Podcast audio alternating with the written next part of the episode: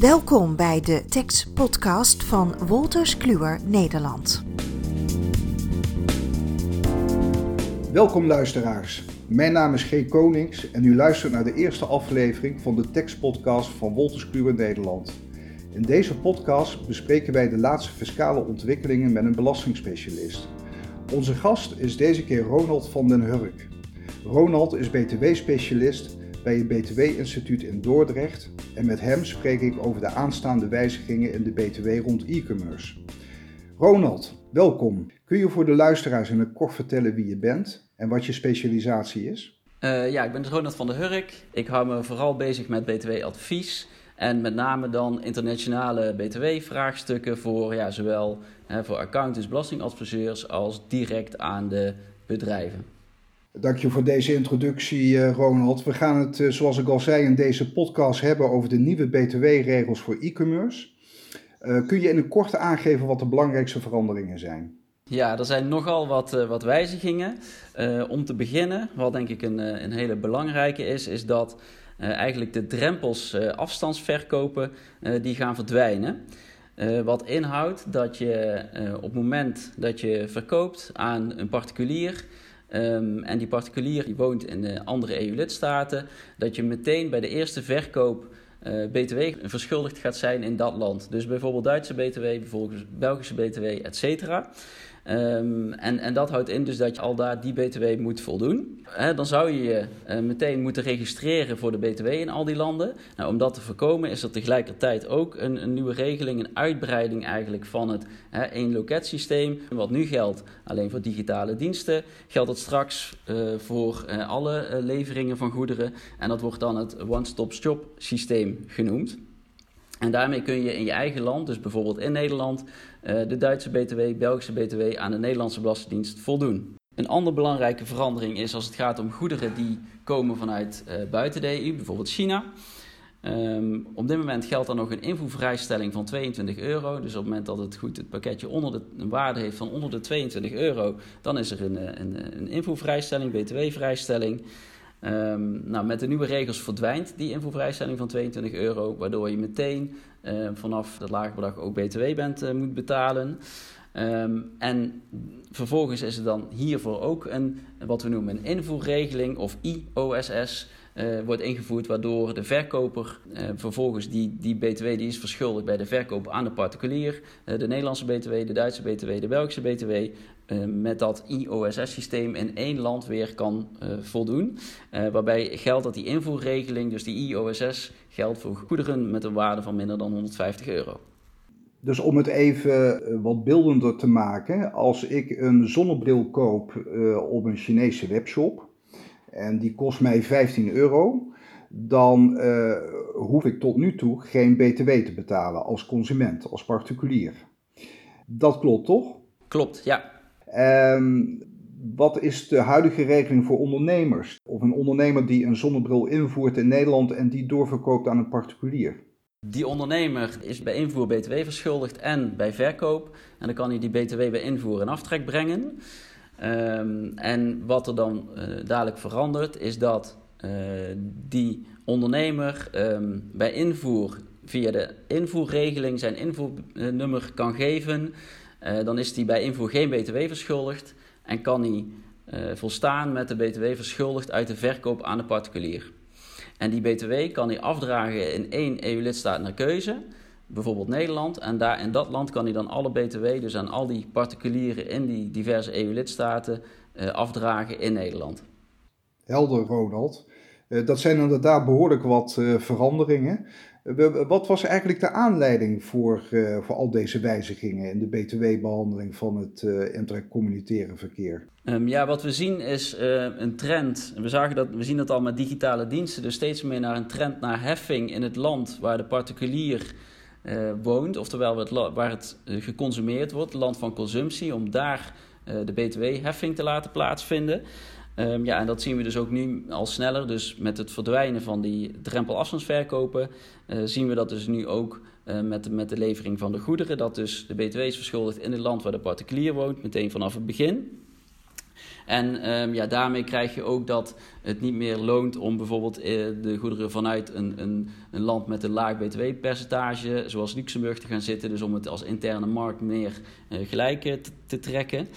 Um, en daarnaast een aanleiding was dat, ja, er werd natuurlijk eh, de, de Nederlandse webshop die had, en de, en de andere in de EU gevestigde webshop, die hadden een, nadeel uh, bij, dat, uh, bij die invoervrijstelling van 22 euro. Datzelfde pakketje, ehm, daarover is in Nederland en in de EU wel btw verschuldigd en vanuit buiten de EU zou, je, heb je die vrijstelling.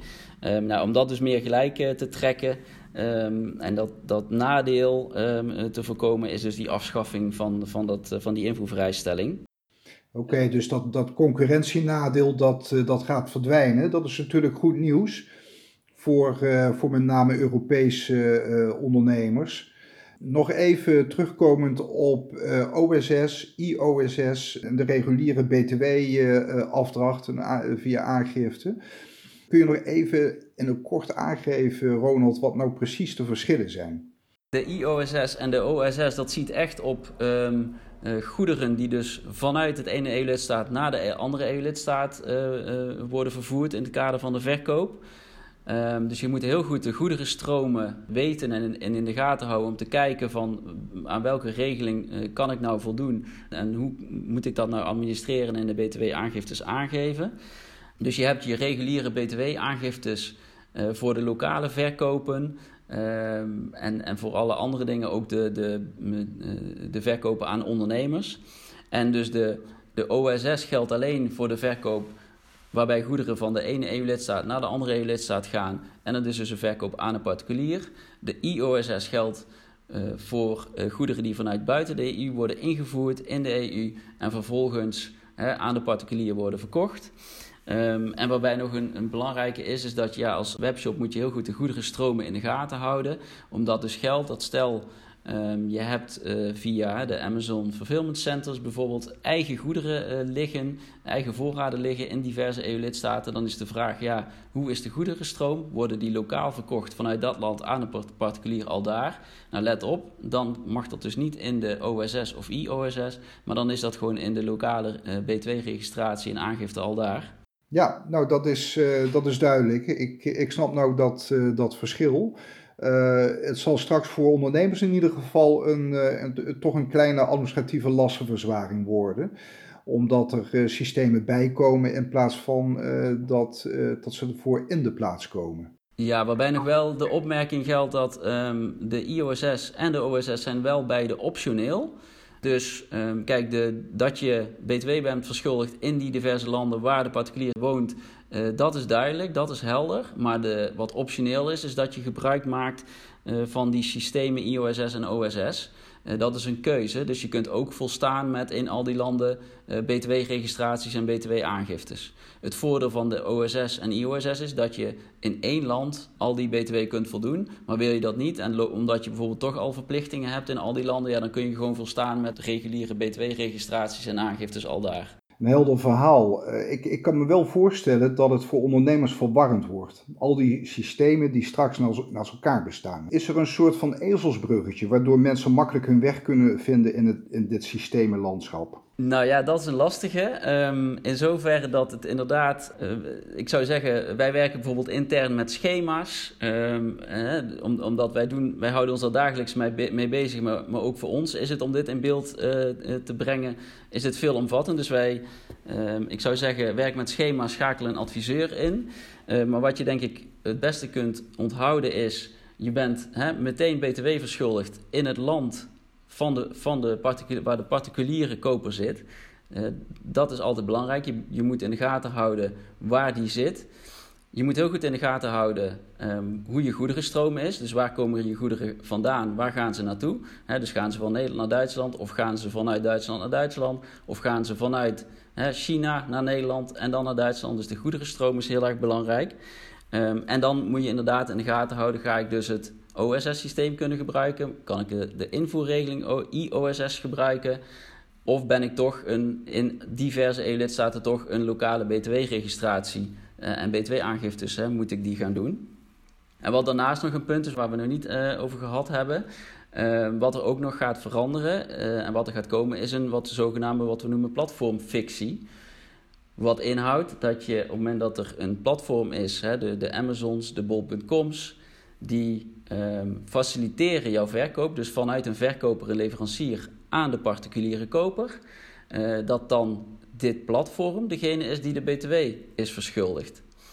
Ehm, dus je moet ook altijd nagaan: verkoop ik nou direct via mijn eigen website of verkoop ik straks via zo'n platform, waardoor ik klaar ben eigenlijk doordat ik verkoop aan het platform en het platform de BTW is verschuldigd. Oké. Nou, dat is, uh, dat is helder. Dus dat betekent dat het voor internationale verkoopplatforms ook het een en ander uh, gaat uh, veranderen. Dat betekent niet alleen voor Europese verkoopplatforms, maar ook voor buitenlandse webshops, als ik jou zo hoor. Ja, klopt. Um, dus inderdaad, de in de EU gevestigde platforms, daarvoor geldt die platformfictie voor de goederen die komen vanuit buiten de EU onder de 150 euro.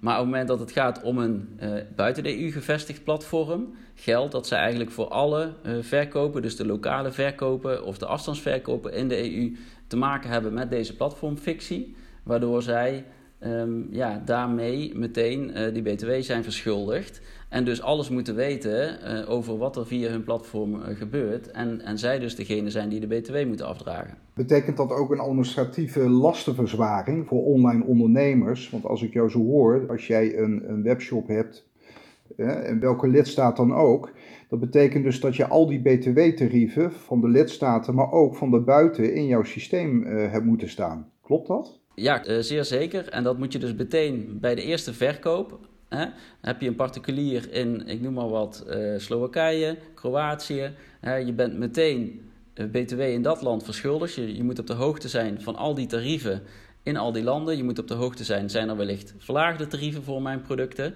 Um, dus je moet dat heel goed in de gaten hebben.